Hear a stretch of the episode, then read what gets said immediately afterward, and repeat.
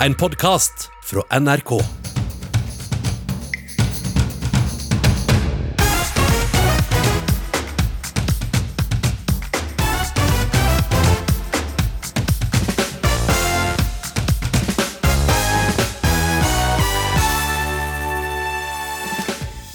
Fallhøyden har vært stor for Hurtigruten den siste uka. We have implemented strict health and safety routines to make traveling safe during COVID-19. Eh, Ja, vi må erkjenne at det har skjedd svikt hos oss.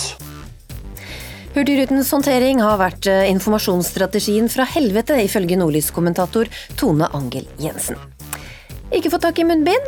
Fortvil ikke, vi lærer deg hvordan du kan lage munnbind ved hjelp av bare en T-skjorte og en saks.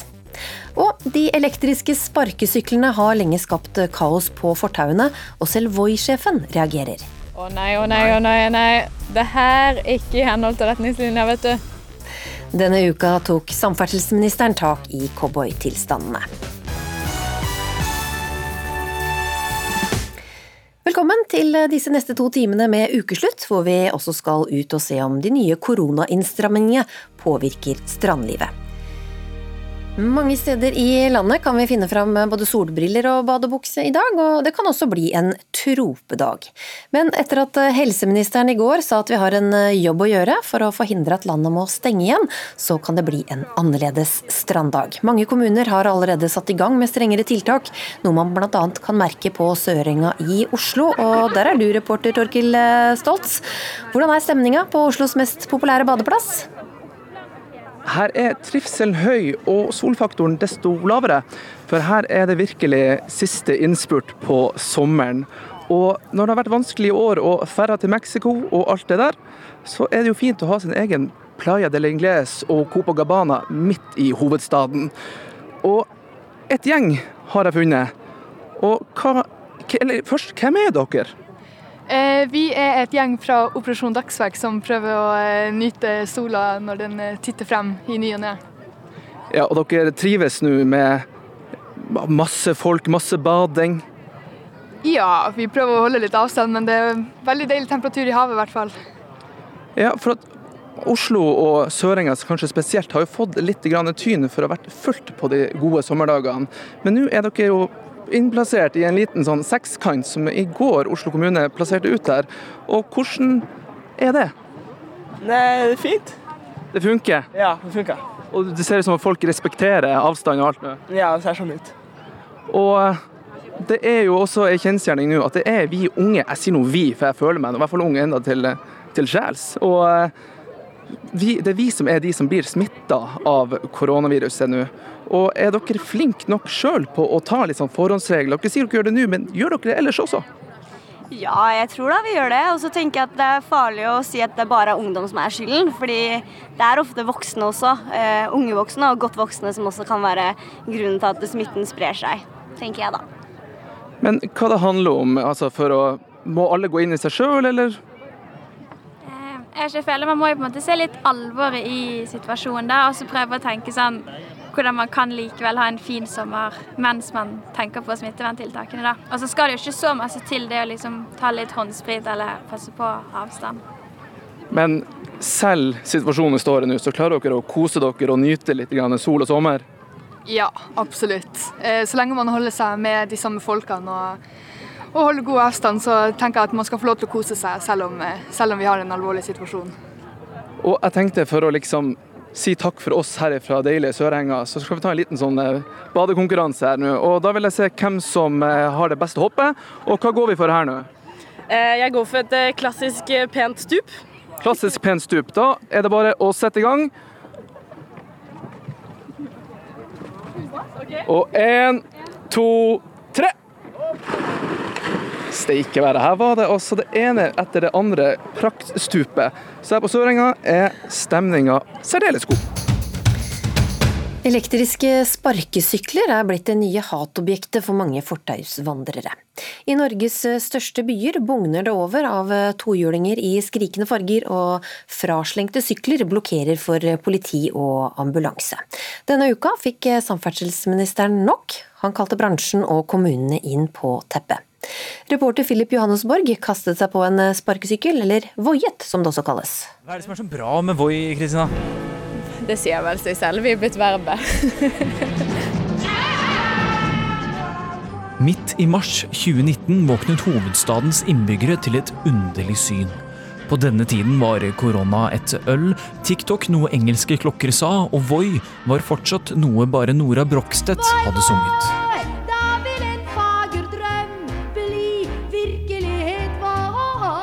Dag derimot er korona en pandemi, TikTok en app, mens Voi er blitt en doning på to hjul som får samferdselsministeren til å kalle inn til hastemøte. De elektriske sparkesyklene har utkonkurrert føttene våre og blitt uhyre populære fremkomstmidler for de som liker vind i håret. Og en av dem er sjefen for sparkesykkelbedriften Voi, Kristina Mo Gjerde. Vi har mellom eh, 3000 og 4000 elsparkesykler i Oslo. Og hvor mange av dem ligger i Akerselva, holdt jeg på å si? eh, overraskende få. Eh, og de som, eh, de som, ligger der, de fisker vi opp eh, på ukentlig basis. For med sparkesyklene kom også cowboytilstandene til landet. Første gangen jeg prøvde en eh, elektrisk sparkesykkel var i Texas i fjor. Kommentator i Aftenposten Joakim Lund fikk smaken på hva disse sparkesyklene kunne komme til å bety for Norges største byer. Men da hadde i mellomtiden altså disse sparkesyklene dukket opp. Og så var jeg litt motvillig, for jeg syntes det så veldig teit ut. Eh, og jeg er jo en stor mann, eh, så store menn på små sparkesykler er liksom i utgangspunktet en litt sånn fjern idé, men så prøvde jeg det, og da ble jeg 100 solgt. Det var en utrolig fin uh, opplevelse. Men nå kan man jo si at det, det er ikke så gøy nå lenger. Hva er det som har skjedd? Nei, altså selve kjøreopplevelsen er jo fortsatt gøy, og det tror jeg veldig mange synes. Det er et tilbud som veldig mange har uh, lyst på. Men det helhetlige bildet har blitt litt annerledes, og det handler om at det er en enorm overetablering, i, særlig i Oslo. Eh, hvor det er nå Det er litt usikkert hvor mange det er, men rundt 13 000 er et anslag eh, jeg har sett flere steder. For selv om sparkesyklene ikke lager så mye lyd, så har de likevel skapt mye bråk. Eh, noe av motstanden handler om at dette er ganske nytt og ukjent. Hvis du hadde kjørt inn 15 000 biler for første gang i Oslo i dag, så tror jeg det hadde blitt mye motstand mot det også. Sparkesyklene kan du nemlig sette fra deg nesten hvor som helst, og nesten overalt. Eh, de ligger på fortauet, de faller over ende. Pluss plutselig ender de opp med å sperre veien for noen som kommer med rullestol, eh, noen som kommer med førerhund, noen som kommer med barnevogn. De verste eksemplene er jo noen som har parkert dem litt kjødelsløst foran en eller annen ytterdør. Så kommer det en person med rullestol og kommer ikke inn eller ut, ut av huset sitt. Eh, sånne ting. Det er jo eh, Det går kraftig utover eh, bevegelsesfriheten til en del av byens befolkning. Hovedstadens innbyggere føler seg ikke lenger trygge, forteller miljøpolitisk talsperson i Oslo Arbeiderparti, Andreas Halse. Og jeg tror det er det verste, den utryggheten som en del av folks En del av byens innbyggere opplever. Altså, og det er ikke bare en opplevelse, det er helt reelt. Da. At de blir påkjørt, at de ligger i veien for dem, at de ser dem ikke. Eh, at de begrenser eh, livene deres, rett og slett, fordi eh, disse elsparkesyklene ikke blir behandla på en ordentlig måte. Aftenpostens Joakim Lund mener noe må gjøres. Aps Andreas Halse mener noe bør gjøres. Til og med Voi-sjefen mener noe må gjøres. Det vi ser i det siste, er at det har vært en økning i, i hva man kan kalle vandalisme. At folk, folk er frustrerte. Um, og vi er også frustrerte. Um, så er det vi kanskje litt uenige i måten det tas ut på, men at noe må gjøres, det er vi, vi alle enig i. Og idet Voi-sjefen er i ferd med å skritte ned Karl Johans gate, viser ansvarsløsheten seg fra sin nådeløse side. Å nei, å nei, å nei, nei. Det her er ikke i henhold til retningslinja, vet du. Nå bor det altså to personer på én Voi. Hva syns vi om det? Nei, dette liker vi, liker vi dårlig. Dette er ikke i tråd med retningslinjer. Eh, og eh, sånn som vi har gjort tilgjengelig nå gode prismodeller og gode, gode prisalternativ, så skulle det ikke vært behov for at to kjørte på én. De har råd til hver sin. Nedover Karl Johan ligger sparkesyklene slengt, og når leketøy ligger strødd slik, er det de voksne som må rydde opp. Eller Knut Arild Hareide, da, som i dette tilfellet både er voksen og vår egen samferdselsminister. I et lydfullt rom kunne han i går stolt vise frem at møtevirksomheten med sparkesykkelbransjen og kommunene hadde båret frukter. Ja, det vi er enige om, er at vi trenger en tydeligere nasjonal regulering på elsparkesykler. Det som er veldig bra, det at det ønsker både næringa, det ønsker òg kommunene, og vi ser behov for det. Hareide kalte inn til hastemøter denne uken, og nå er reguleringene for sparkesyklene snart på plass. Eh, de lover å sette de på plass, og de lover å fjerne elsparkesykler som du har meldt inn, eh, og som er til irritasjon og er i veien. Og Så senker de òg hastighetene på å det mer sensitive områder. Det gjelder gågater, eh, der det er mer krevende når en da kjører i en hastighet på 20 km i timen, som er makshastigheten på elsparkesykler. Men likevel er det én ting som gjenstår, nemlig navnet. I Bergen så kaller de det løpehjul. Eh, men Bergen er jo veldig gode. De kaller jo ikke en loff en loff, der kaller de det for Wittenberger. Jeg syns sparkesykkel er ganske godt uh, uttrykk uh, i seg sjøl, selv om du sparker veldig lite, da. Så, så det kan jo være at Bergen vinner fram med løpehjulet. Så det er din favoritt? Foreløpig. Det har nesten vært Hurtigruten minutt for minutt den siste uka. Det tradisjonsrike selskapet har vært i hardt vær etter at det ble påvist koronasmitte på cruiseskipet MS Roald Amundsen. Ukeslutt gir deg Hurtigruten minutt for minutt denne uka. Your safety has been our first priority since we started sailing in 1893.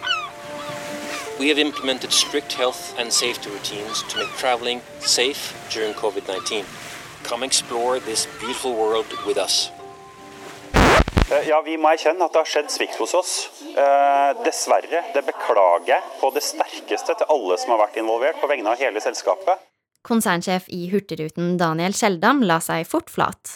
For selv om Folkehelseinstituttet rådet Hurtigruten til å varsle passasjerene allerede forrige onsdag, så valgte Hurtigruten heller å seile sin egen sjø og vente to dager med å varsle.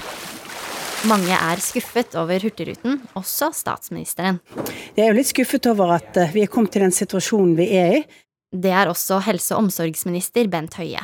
Det har eh, brutt en rekke av de reglene og retningslinjene som lå til grunn for eh, at vi kunne gjenåpne denne type aktivitet. Så er det jo nå en stor jobb som gjenstår for Hurtigruten å gjenopprette den tilliten som, som jeg mener nå er svekket. Men heldigvis er Hurtigruten opptatt av åpenhet. Vi har som selskap eh, alltid satt høyt at vi skal dele informasjon, vi skal være transparent. Eller hvordan var det nå med det? Hurtigruten har også spurt om å delta i Dagsnytt 18 i dag, men de hadde ikke anledning. Kommunikasjonen har med andre ord ikke vært på plass, ifølge kritikerne. Derfor så kommuneoverlegen i Tromsø seg nødt til å ta over roret. Eh, vi har jo eh, starta opp med å forsøke å, å samarbeide med, med helsepersonell om bord.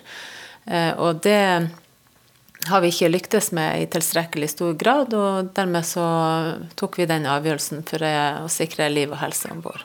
Konserndirektør Bent Martini var selv om bord på det koronarammede skipet og måtte gå av, i hvert fall midlertidig, mens selskapet granskes. Nå etterforsker politiet om Hurtigruten brøt smittevernloven.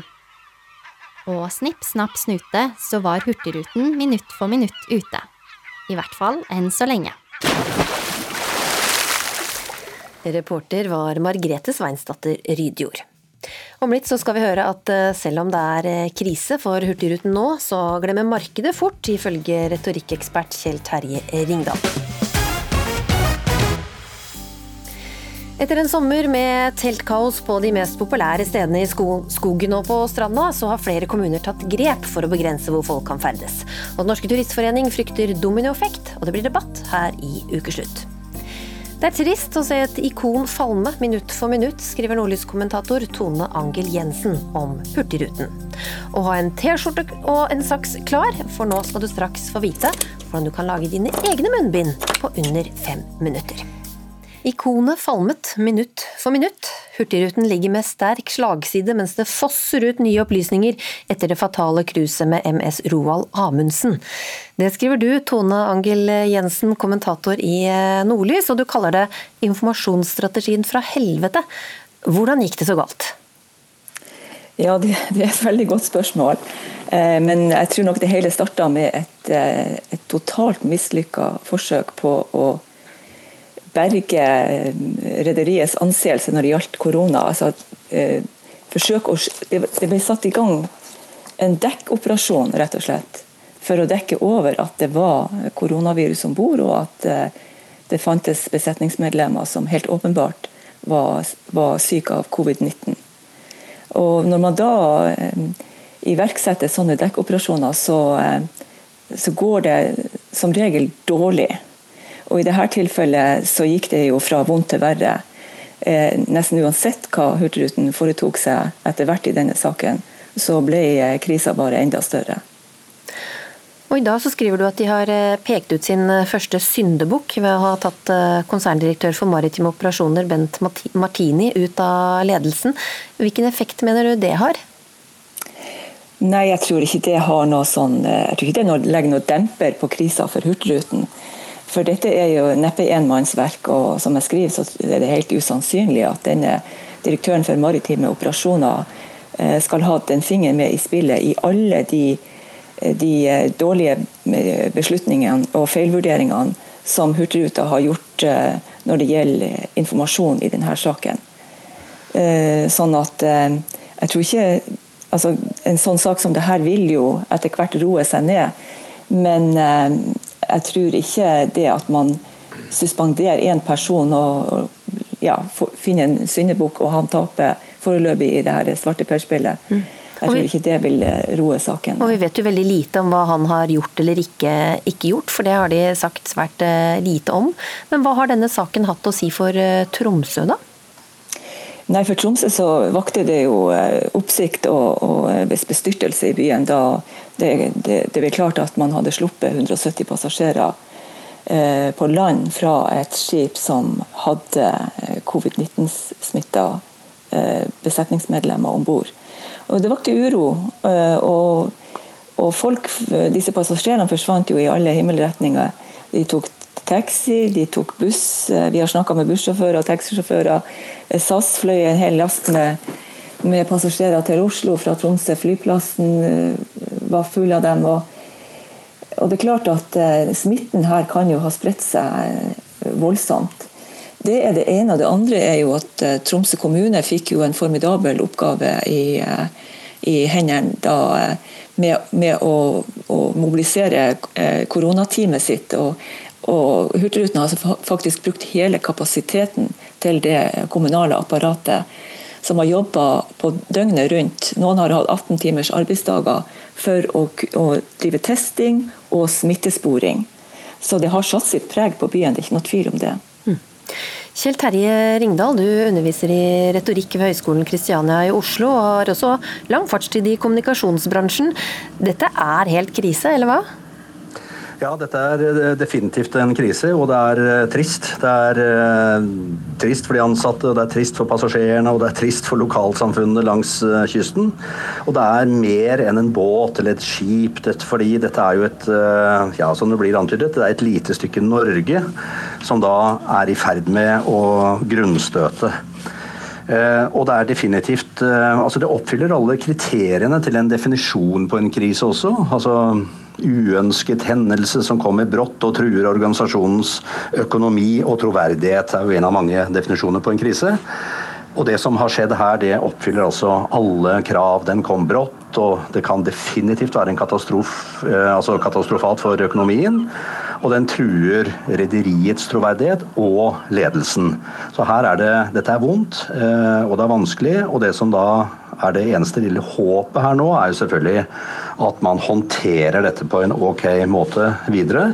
Så langt så har det gått sånn cirka halvgærent. Eh, men det er fortsatt håp. Eh, kriser blir glemt, eh, men i øyeblikket så er det ordentlig ille. Ja, konsernsjef Daniel Skjeldam lovet grenseløs åpenhet på mandag, men så har det vært veldig stille fra Hurtigruten. Er dette også en kommunikasjonskrise, vil du si? Ja, definitivt. Eh, fordi når man da eh, sier eh, altså dette, disse berømte ordene 'jeg legger meg fullstendig flat, vi har gjort feil', og 'jeg skal nå være grenseløst ærlig', så spenner man buen. Og det betyr at publikum har store forventninger til at nå blir det ærlighet. Og så ser det ut til at uh, her blir det mer ord enn det blir uh, handling, dessverre. For det å si at du skal være grenseløst ærlig, og da fortsetter å snakke halvusant, og du oppretter et utvalg, det er jo blitt det nye trikset. Eh, PR-trikset. Vi nedsetter et utvalg som skal se på alle hendelser, og så viser man senere hen i forløpet til denne krisen til dette utvalget. Så det er mye som tyder på at eh, man kanskje har eh, nå følt seg tvunget til å bli litt for flinke og litt for ja, litt for glatte i sin kommunikasjon. Mm, det publikum mm. nå er på jakt etter i en sånn krise, er grenseløst ærlighet. Fordi definisjonen på troverdighet er nemlig karakter og det å tørre å snakke sant. Tone Angel eh, Jensen, eh, Hurtigruten har jo hatt svært godt rykte før. Kan de redde det? Ja, de, de, kan jo kanskje det. Akkurat nå ser det jo veldig svart ut. Men det er klart at Hurtigruten eh, har jo, har jo vært i årevis en veldig sterk merkevare. Og jeg hørte jo tidligere i sendinga her om den fantastiske eh, eh, TV-serien som NRK kjørte om Hurtigruten minutt for minutt. Eh, som, som, som, den, som den er omfatta av veldig, veldig, mye positivt, Hurtigruten. Sånn at dette, det den, Vi nå ser den nedsmeltinga av image og troverdighet og det hele. Vil ta, det vil nok ta tid for dem å, å bygge det opp igjen. Eh, og de skal få jobbe hardt. og Da blir det jo, sånn som, sånn som det blir sagt her, eh, veldig viktig med ærlighet og åpenhet videre i prosessen. Eh, fordi at markedet kan selvfølgelig glemme dette etter hvert. Ja, hva, tenk, hva, hva, tenker ja. du Ringdal, hvor lenge kommer det her til å sitte og hvor fort klarer vi å, å glemme det, vi som forbrukere? Vi glemmer fort, eh, og det er jo det som er trøsten her. Også andre trøstens ord er at eh, de feilene som er begått, de er sannsynligvis begått litt i kampens hete. Det går noen sekunder, noen minutter, og så tar man en feil beslutning. Og så viser det seg at det var ikke vond vilje, kanskje, men kanskje eh, litt panikk, litt usikkerhet, og så gjør man noe som er feil, og dermed så framstår man mye, mye verre enn det man sannsynligvis mente å være. Når det gjelder kriser, eh, så jeg har gått gjennom litt min egen hukommelse og sjekka litt hvilke kriser er det vi husker eller ikke husker. Eh, Telenor, barnearbeid i Bangladesh, BP med Deepwater Horizon, Rema 1000 med bestevenn, Freia palmeolje. Alle disse tingene blir borte. Så de eneste som sitter igjen med kraftige skrubbsår, som regel etter sånne kriser, er de som var eh, direkte involverte dem. Publikum glemmer, og publikum er villig til å tilgi.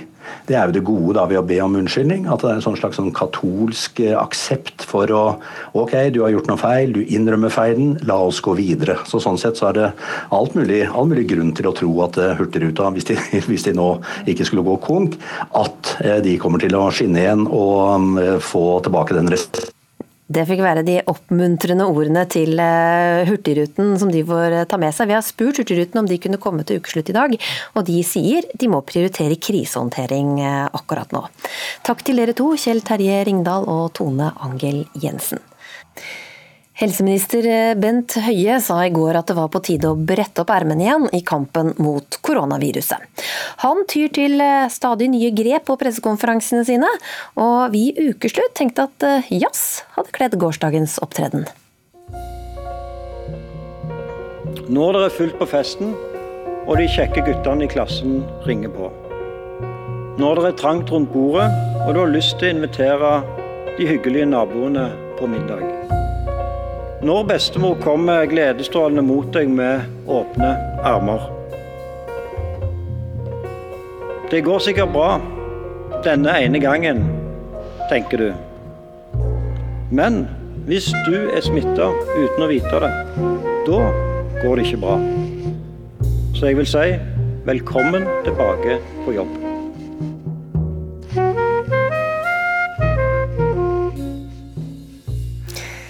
Og etter at eh, myndighetene tidligere i uka varslet at eh, de ville komme med nye anbefalinger om bruk av munnbind, så tok salget av munnbind helt av, og flere apotek gikk fort eh, tomme. Men fortvil ikke, nå skal du lære hvordan du kan lage munnbind selv. Mia Tuft, nevropsykolog og redesignentusiast, du er en av forfatterne av boka En grønn tråd. Og dere har funnet opp et munnbind som alle kan lage på under fem minutter. Hva går det ut på? Ja, vi har egentlig gått gjennom mange slags forskjellige oppskrifter og sett litt sånn ja, kompleksiteten i det og hva er det som vil funke i praksis. Eh, for det finnes jo veldig mye rundt omkring på nettet som man kan sy selv og, og klippe og ordne til. Men vi kom fram til at eh, bomull er det som er å anbefale. Dobbelt lag. Og at det må sitte godt. Og at du må kunne skifte det ofte. Og ut fra alt det, som vi, når vi gikk gjennom det, så kom vi fram til en som du kan lage på fem minutter, faktisk bare. Du finner en gammel T-skjorte i skapet. De fleste har det. Og så er det en firkant du klipper opp på en bestemt måte, og fester eh, med den der fleksible T-skjortestoffet bak øret med en, med en, vri til slutt. Så er det faktisk ingen sying, det er bare klipping? Ja. Mm. Hva er fordelen da med, med disse munnbindene her, sammenlignet med de man kjøper? Sammenlignet med det man kjøper, det er jo i hvert fall at du avlaster. fordi nå blir det jo sikkert antagelig ganske stor etterspørsel etter de munnbindene. Så er det noe med det ja, å gjøre det veldig enkelt og tilgjengelig. Da, og det at du Det er jo ikke først og fremst for deg selv, men å beskytte andre, at du bruker det. Hvor godt beskytter det, hva vet vi om det? Ja, Vi har ikke noe prosenttall fordi det er så komplekst. Fordi det er jo så mange ting. Folk eh, styrer mye med munnbind ofte for de er ikke vant til å bruke det. Kanskje ta på det. Det har jo noe med bruken å gjøre. Og det har noe med hvor tett det sitter, og hvor mange lag det er. Ehm, så eh, det er jo vanskelig å forske på det. Og det er mye man ikke vet enda, men at vi vet at det er eh, bedre enn å ikke bruke det, helt klart. Hva er viktig da, når man skal bruke det? Hva er det viktig å tenke på? Viktig å ha flere tilgjengelig, sånn at du kan bytte ofte. Ikke, og ikke ta det opp til munnen og, og sånn innimellom og, og fikle med det. Eh, viktig at det sitter tett og godt, ja, og at det er et dobbelt lag. Og så, når du har greit. brukt de, så hva gjør du med de når du da tar det av? Da kan man bare legge de til side, eh, og så kan du vaske de. Disse her vil Jeg vet ikke hvor mange vask de vil holde, det kommer sikkert litt an på stoffet i seg sjøl, hvor tykt det er, det stoffet du har valgt å lage da. Men, øh, og man kan jo sy også, så du kan jo sette deg inn i syferdigheter og lage eh, egne masker som vil vare litt lengre vask. Da. Men hvor ofte skal de vaskes, da? Etter hver, hvert bruk, ja. På 60 grader? Ja, mm. så du bør ha flere tilgjengelig. Eh, jeg har tatt med T-skjorte, du har tatt med T-skjorte. Hvordan går man fram for å lage seg disse her? Veldig enkelt. Du har bare et rektangel på 30 ganger 15 cm. Mm. Som du klipper ut i papir eller papp. Så legger du det oppå T-skjorta. Det skal være sånn at T-skjorta bare ligger sånn den er, så begynner du på nederste delen av T-skjorta. Liksom inntil sykanten, men ikke på sykanten, men litt over. Så kan du jo tenke på utnyttelse av stoffet, for at en T-skjorte kan jo rekke til til to-tre sånne munnbind. Så du starter nederst, og så bare klipper du etter den firkanten på 30 ganger 15 cm, som jeg kan gjøre nå. Har du ikke festa lappen eller noen ting, du bare klipper det eh, rett rundt papiret uten å ha tegna av eller noe sånt. Ja, jeg gjør det.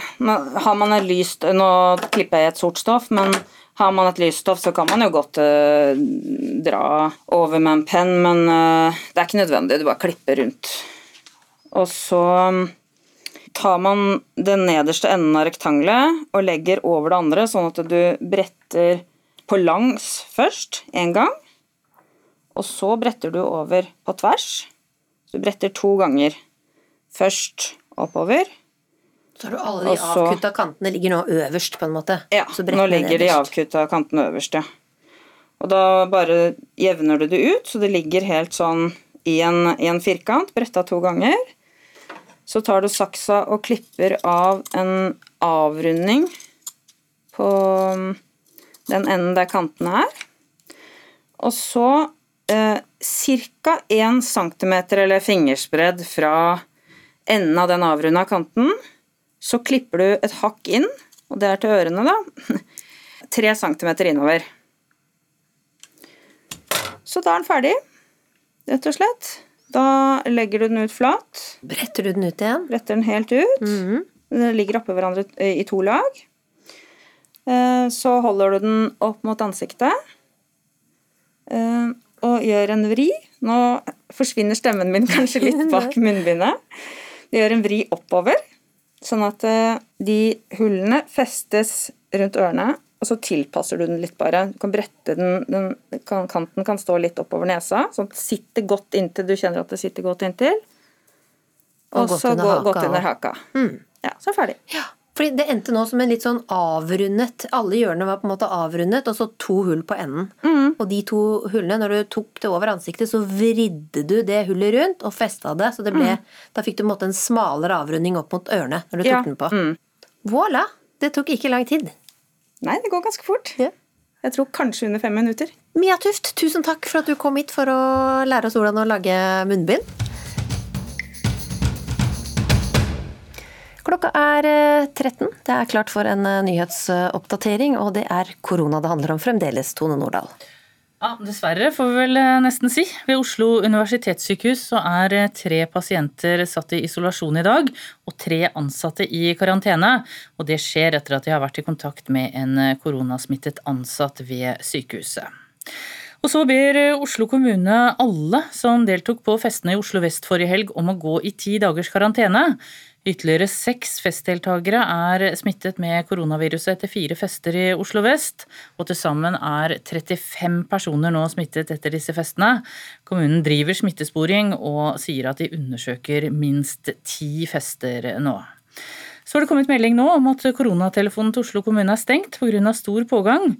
Alle som ringer telefonen får nå beskjed om at henvendelser som gjelder akutt fare for liv og helse må rettes til 113. Og dermed er det kanskje ikke så lett da, for folk som uh, trenger det i hovedstaden å få testet seg nå i helgen.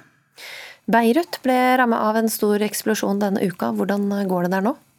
Der eh, jobber redningsarbeidere og soldater med å ta seg inn i ruinene av alle de ødelagte havnebygningene.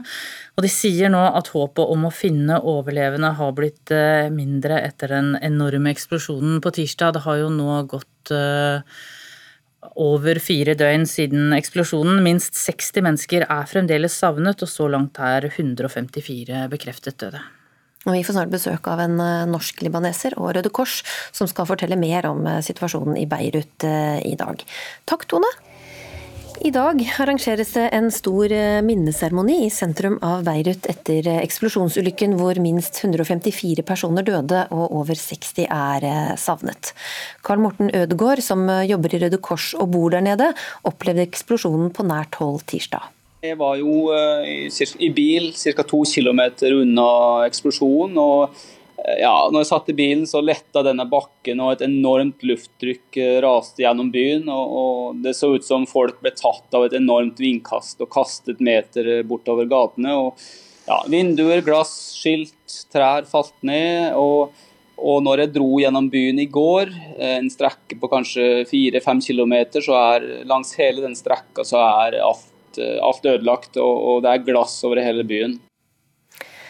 Fairus Mroe, norsk-libaneser og masterstudent i statsvitenskap. Du har eh, familie og venner i Libanon og Beirut, og har tilbrakt eh, store deler av ferier og barndom der. Hvordan var det å få beskjed om denne eksplosjonen på tirsdag? Nei, Det var utrolig sjokkerende og trist. Jeg klarer ikke å sette ord på hva jeg føler egentlig. og jeg er fortsatt i sjokk, egentlig. Og jeg er ganske sikker på at mange norske libanesere føler det samme som meg. Eh, med tanke på at det er over 150 personer døde og over 5000 skadede og over 2000, 200 000 personer hjemløse. Da.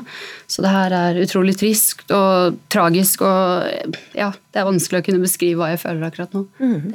Hva sier venner og familie der nede?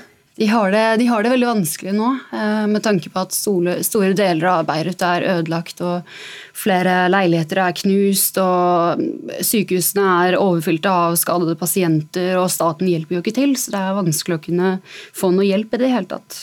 Det er det. Det er vanskelig.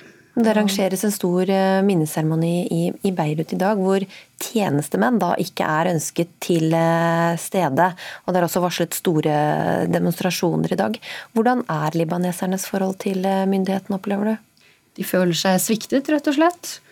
de føler ikke at de har noen som kan stå opp og hjelpe dem. Og med tanke på at eh, landet er korrupt og at vi har eh, økonomiske problemer og at det er pandemi på gang og eh, politikken er rett og slett helt forferdelig i Libanon. Det går jo ikke an å kunne gi noe støtte til folk der nede, egentlig. Så det, ja.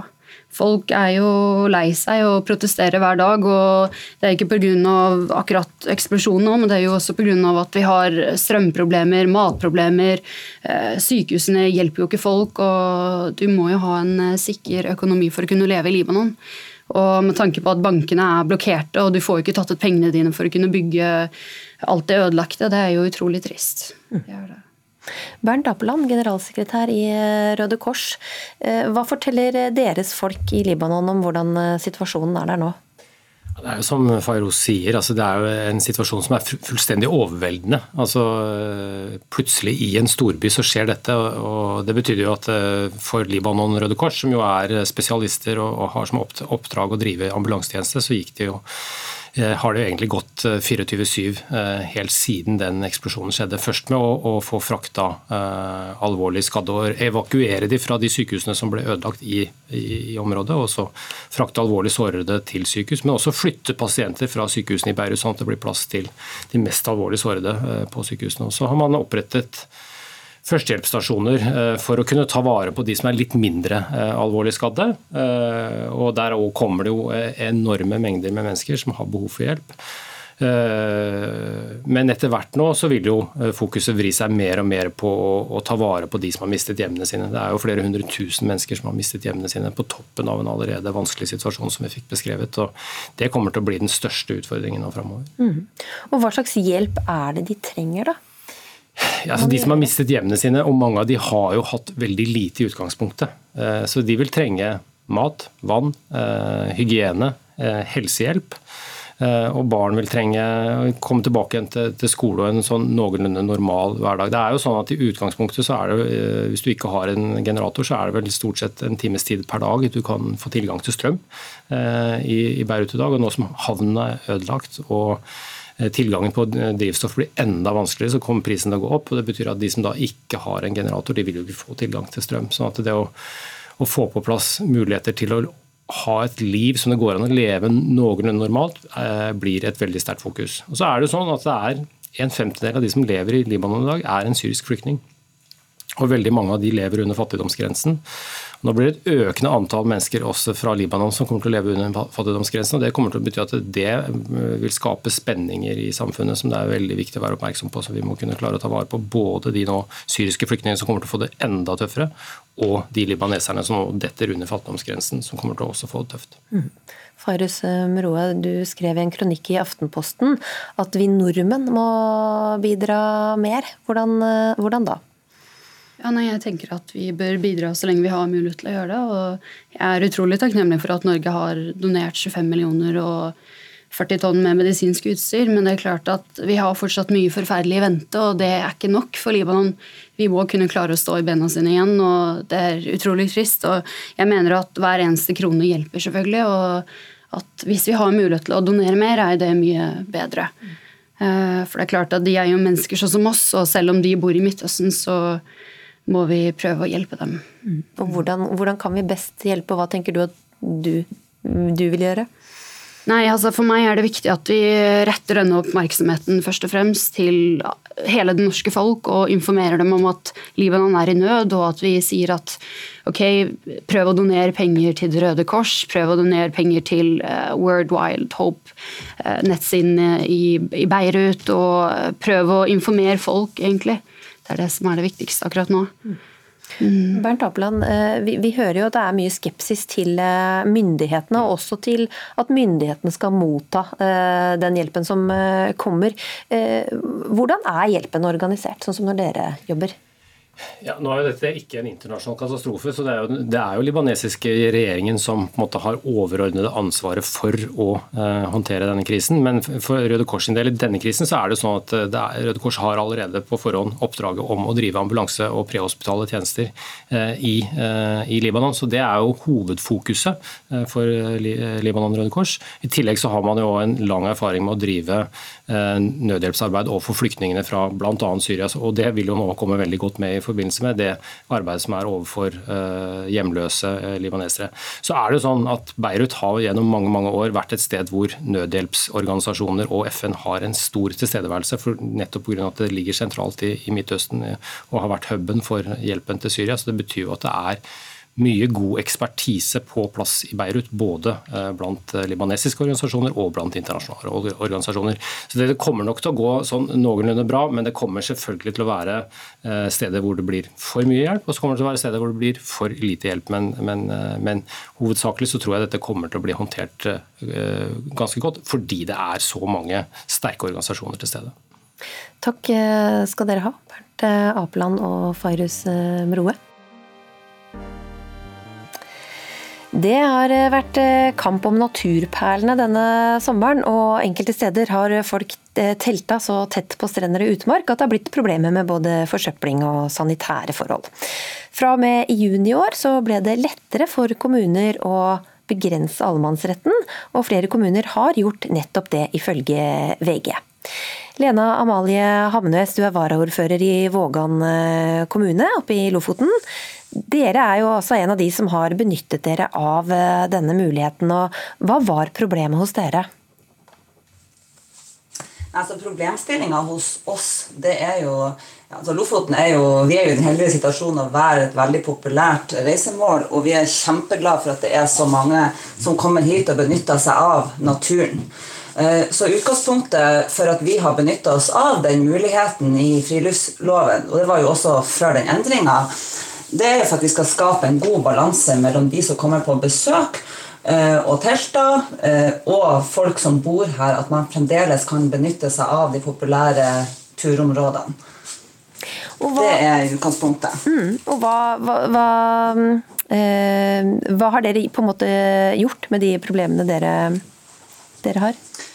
Ja, I Lofoten så har vi vel som første region utarbeidet en eh, regional friluftsforskrift. Der vi har gått sammen eh, de seks kommunene i, Lofoten.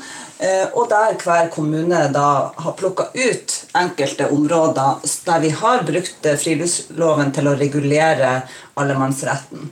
Og Der er det flere ting som kan gjøres. Eh, man kan, ha, man kan tillate eller ikke tillate sykling, eh, bål. Eh, det er mange muligheter, men det vi først og fremst har gjort, det er jo å begrense for telting og bobiler på noen områder.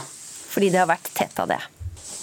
Ja, det er klart at vi har kanskje to problemstillinger. For det første så er det enkelte områder i Lofoten så har så har man i en del år nå sett at det er en del turoperatører som har benytta seg av friområder som et utgangspunkt for eh, kommersiell virksomhet, og kanskje, og kanskje har tatt eh, friluftsloven og allemannsretten vel langt, fordi at man har satt opp eh, på en måte basecamp og hatt utgangspunkt ifra turområder og kanskje private gapahuker og denne typen ting. Og, så, eh, og på den måten så har man jo blokkert litt for lokalbefolkning og andre som er på tur, for det er ikke så attraktivt å komme til et sted når det liksom klesvasken henger og du ser at det er en kall det nå privat leir. Og det samme gjelder jo tursteder og badestrender. Eh, som blir brukt i stor grad av lokalbefolkninga og folk som ellers er på dagstur, så er det ikke så attraktivt eh, å, å, gjøre det hvis man må eh, tråkke seg gjennom en teltleir, og det henger undertøy til tørsk og sånt akkurat i det området der du går til og fra stranda. Altså, det er jo det vi har prøvd å finne en bedre balanse på, som friluftsloven gir muligheter til. Mm. Ingeborg Wessel eh, Finstad, fagsjef for eh, naturforvaltning og bærekraft i Den norske turistforening. Hva syns dere om denne endringa eller den muligheten som kommunene har nå til å begrense allemannsretten? Altså, vi har jo forståelse for at det er eh, krevende i populære områder eh, med stort press, og at det betyr store utfordringer. Men vårt utgangspunkt i DNT er at vi ønsker å ta vare på allemannsretten. Det å ferdes og oppholde seg i utmarka, det er et gratis fellesgode. Det gir oss egentlig en fantastisk mulighet til å oppleve norsk natur. Og det er en viktig forutsetning for å drive friluftsliv i Norge. Så allemannsretten har en, en viktig funksjon, og den vil vi ta vare på. Så vi mener at eh, en må prøve andre tiltak og snu alle steiner før en går til det drastiske steget og begrense allemannsretten gjennom eh, ulike forbud og restriksjoner. Mange steder så kommer en langt med å tilrettelegge eh, og drive informasjonsvirksomhet, og, og kanskje også gå i dialog med ulike aktører så er jo også vi i DNT opptatt av å ta vare på det enkle friluftslivet. Og det å kunne ta med seg sekken og et telt og gå ut i norsk natur og sette opp det i utmarka nesten hvor en vil, det er en av de enkleste formene for friluftsliv som vi har. Og det er en viktig verdi som vi må ta vare på. Da er det selvfølgelig uheldig hvis en som telter stadig blir møtt med forbud mot, eh, mot telting på fine plasser. Hamnes, eh, hva har dere prøvd av andre, andre muligheter, da, med forbudsskilt f.eks., for nei, informasjon, eh, før dere har gått til disse skrittene? Altså for det første så vil jeg jo si at, at, Vi legger oss jo på en måte ikke på en forbudslinje. og Vi har gjennom flere år hatt informasjonskampanjer, vi har utarbeidet Lofotvetterregler som er kommunisert ut både på plassene det gjelder, men også på sosiale medier og på andre måter. Og alle som henvender seg til eh, destinasjonsselskap, turistinformasjon, får informasjon. Men det har ikke holdt? Men jeg er jo Nei, altså Litt av eh, problemstillinga her er at jeg jeg er, jo helt enig i, eh, i Wessel Finstad sitt premiss om at vi ønsker jo også å fremme friluftslivet. Og vi ønsker for all del å beholde allemannsretten. Og jeg er så enig i det som hun sier om at det er så viktig at vi beholder den delen av reiselivet der folk bare tar på seg sekken og går ut i naturen. Men det jeg er uenig i, det er jo det at jeg mener jo at de, de reguleringene som vi gjør, som jo det er hjemmel for i friluftsloven, det er med på å fremme allemannsretten. Det er med på å gjøre det både trivelig og mulig for hvem som helst å gå ut og benytte seg av naturen. Men for, eh, prioriterer for, ikke dere de lokale nå, da, framfor uh, turistene som kommer og slår seg ned hvor de vil? På ingen måte. Altså, her, for vår kommune så er det snakk om eh, fire eh, plasser i hele den svære kommunen som vi har eh, innlemma i den friluftsforskriften som vi har utarbeidet i Lofoten. Og på to av disse, som er absolutt de som er mest populære for telting, så har vi ikke nedsatt noe forbud mot telting. Vi har bare slusa teltinga til anvist område, sånn at det er hyggelig, der det er tilrettelagt, og der det er bålplasser, og, og der det eh, på en måte er best egnet, og at man samtidig da eh, sikre at ferdsel ned til stranda eh, Det ene er en sånn stor sandstrand ved innkjøringa til Henningsvær, og det andre er eh, et sted som heter Kalle, som er veldig populært blant klatrere, bl.a. Så ja. det er ikke snakk om å bare ha forbud, Nei. det er snakk Men, om å sikre allemannsretten. Finstad, hva, hva, er det dere tror kan skje da, dersom flere kommuner begynner å gjøre som Vågan? Altså dette er jo en relativt ny endring som kom nå i, i, sommer, som åpner opp for at kommunene kan lage egne lokale forskrifter uten å få det godkjent hos uh, Fylkesmannen først.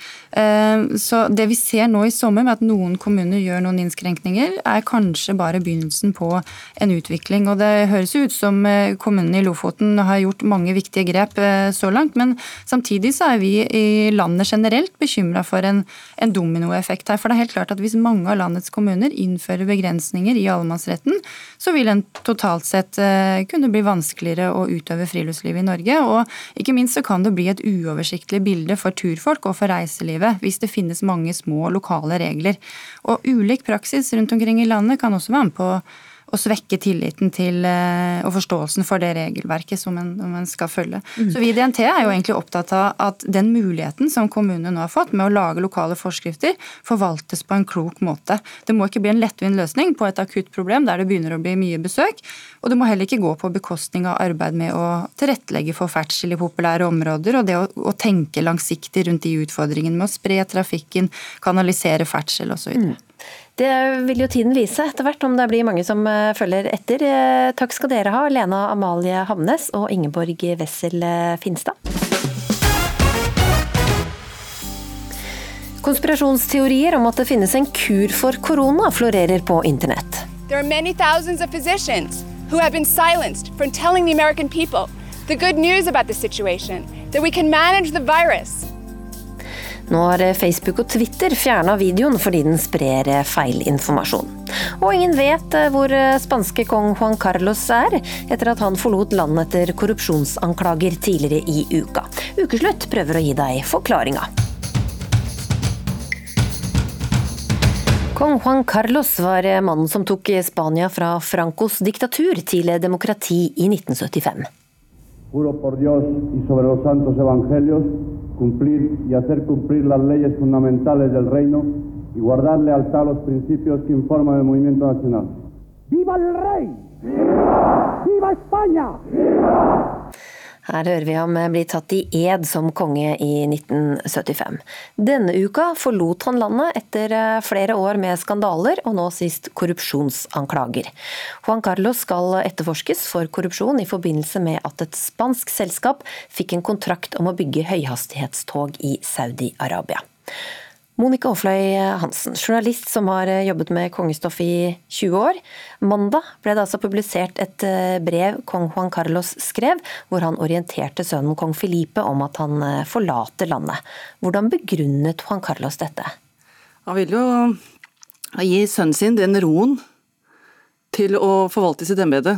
Og da vurderte han at det ville være best ved å putte rett og slett en fysisk avstand mellom seg og kongen av Spania. Hvordan har kong Filipe reagert på dette? Det har jo vært samtaler dem imellom. Dette her var jo ikke bare, kom, jo helt, kom jo ikke ut av det blå for noen av kongene. Og det er nok De har ett fokus nå, og det er å bevare monarkiet, kongehusets verdighet, og da er det nesten ingen pris som er for stor for det. Og om da kong, den, kong Juan Carlos må dra i eksil for at Filipe skal få den roen da, til å konsolidere sin trone, så, så, so be it. Så, det, så, får det bli sånn. Og han takket faren sin for innsatsen uh, han hadde gjort. Mm. Juan Carlos abdiserte for seks år siden, nettopp fordi det begynte å dukke opp en del vanskelige mm. saker, som bl.a. hans elskerinne gjennom mange år spilte en nøkkelrolle i.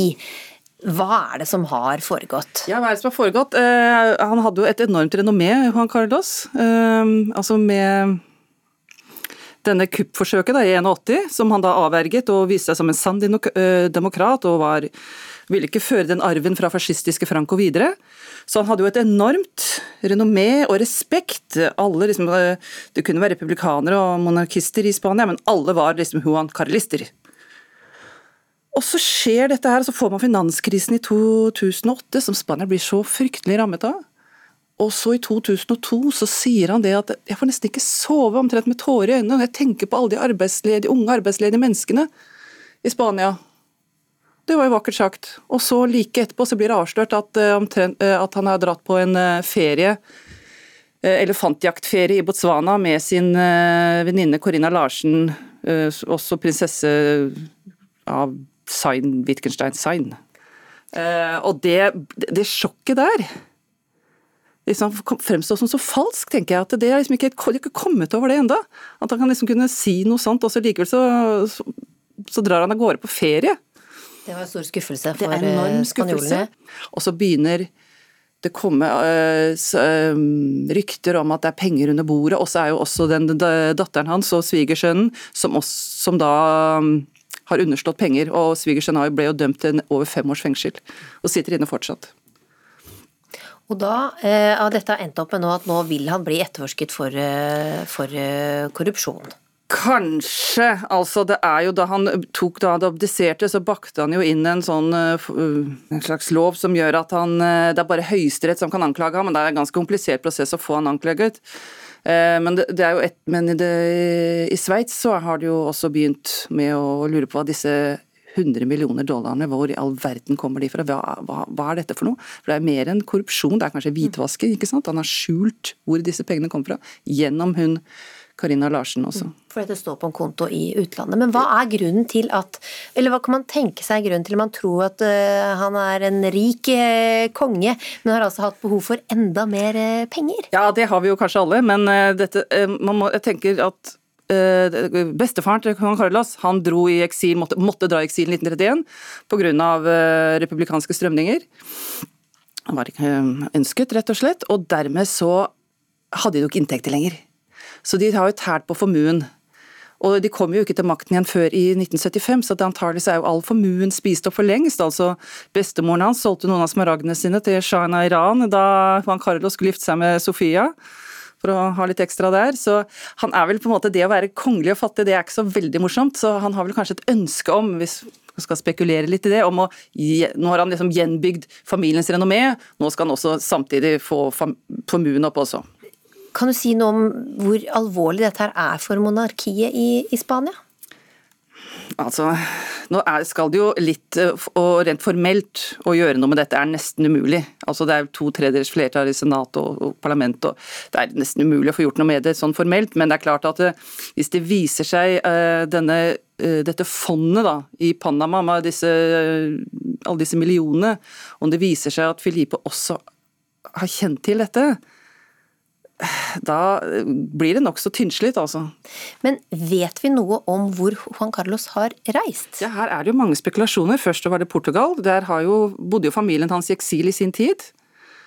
Og så gikk det rykter om at han hadde dratt til Den dominikanske republikken, fordi at der var Sveits sak utleveringsavtale dit. Og nå har det i dag gått rykter om Abu Dhabi, men det er ikke kommet noe formelt. Vi vet ikke hvor han er hen, altså. Det, det gjør vi ikke. Og vi vet jo heller ikke hvor lenge dette skal vare heller. Han er jo født i Roma i eksil, så kanskje han har dratt dit. Liksom blir en poesi det hele. Altså. Tilbake, Tilbake. til fødestedet. Ja. Takk skal du ha, Monica Afløy Hansen.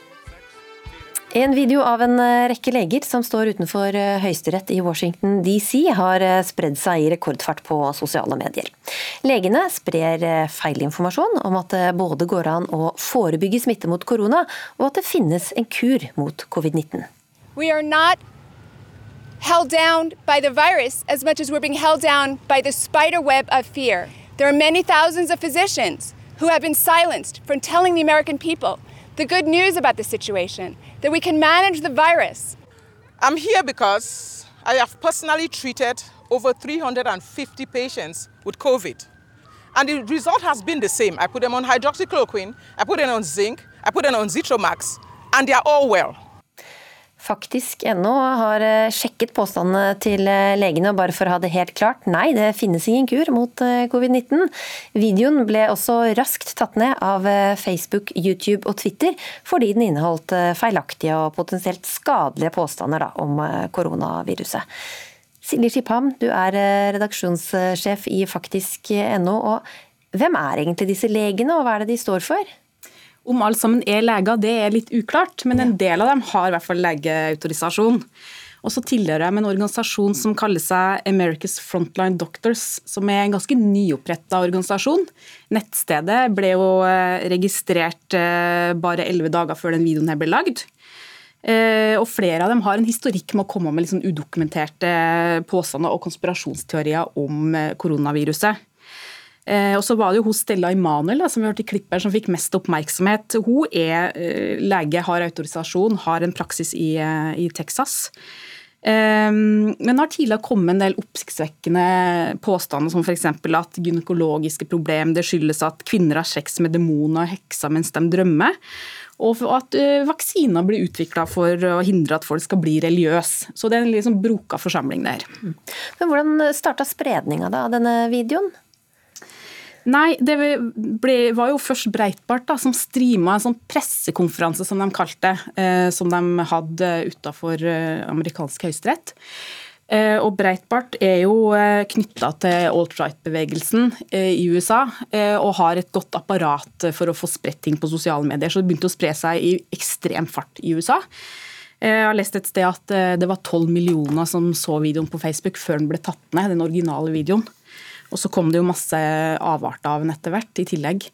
Um, og vi så jo veldig fort da, at den uh, begynte å komme til Norge bare timer etter at den ble uh, eh, streama i USA. Så begynte nordmenn å dele den. Og, um, den det er litt fortere enn vanlig? Ja, fordi før korona så så vi jo at det tok dager, kanskje uker, før sånne ting eh, kom til Norge fra USA. Mens nå går det bare timer. Eh, og det spres i mange forskjellige eh, Facebook-grupper. som Det du kan se de har til felles, er kanskje at de er litt sånn kritisk, systemkritisk. Men vi så det jo både i pro Trump-grupper, i antivaksinegrupper i eh, grupper som sier at de hører til på langt ut på høyresida politisk. Så det var eh, over et bredt spekter. Mm. Og, og, hvem er det som deler dette her, da? Ja, Det er jo vanlige nordmenn da, eh, som, eh, som, deler det, som kanskje er litt kritisk til, eh, først, kritisk til pandemien. Mange mener jo at det her ikke er så farlig, at det er mindre farlig enn influensa f.eks. Mange er kritiske til at uh, norske, altså norske myndigheter sin håndtering av at vi har stengt ned hele Norge. Um, og så er det jo en del som tror på Trump da, når han sier at den medisinen her fungerer mot uh, korona. Mm. Og Hvordan har dere jobbet da for å sjekke om dette er sant eller ikke? Vi har jo eh, eh sjekka én påstand. Vi faktasjekka som regel én og en påstand, og vi har faktasjekka om det finnes en kur. Eh, og hun, Stella Emanuel sier jo at hun har eh, behandla over 300 av sine egne pasienter med hydrokloroksid og eh, to andre legemidler. Og at ingen av dem har dødd. Og det kan jo hende, det vet vi, det vet vi jo ikke.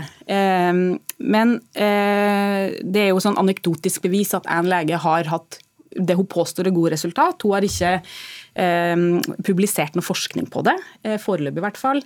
Så det vi har gjort er å se på de studiene som finnes, for det finnes jo allerede nå en del studier på det her. Eh, store internasjonale, breie studier som sier at de legemidlene her har ikke noe effekt. Verken på forebygging eller som kur. da. Og president Donald Trump er jo en av dem som har delt eh, denne videoen. Og i et eh, intervju denne uka så sa han at eh, barn så godt som er immune mot koronaviruset. Og det publiserte han også på sosiale medier, men både Facebook og Twitter fjerna også disse videoene med begrunnelsen at det er spredning av feilinformasjon. Martin Gundersen, teknologijournalist i NRK Beta. Hvorfor gjør Facebook og Twitter og YouTube dette nå? Ja, altså De har jo starta med å være veldig tilbakeholdne med å faktasjekke eller fjerne innhold på sosiale medier. Og så De siste årene har det kommet mer og mer kritikk. Vi ser farlig innhold, vi ser innhold som skader folk. Og de siste tiden fra mai så begynte man å se en dreining hvor Twitter leder an. Hvor de sa vi kommer til å sette en advarsel på feilinformasjon på Trump.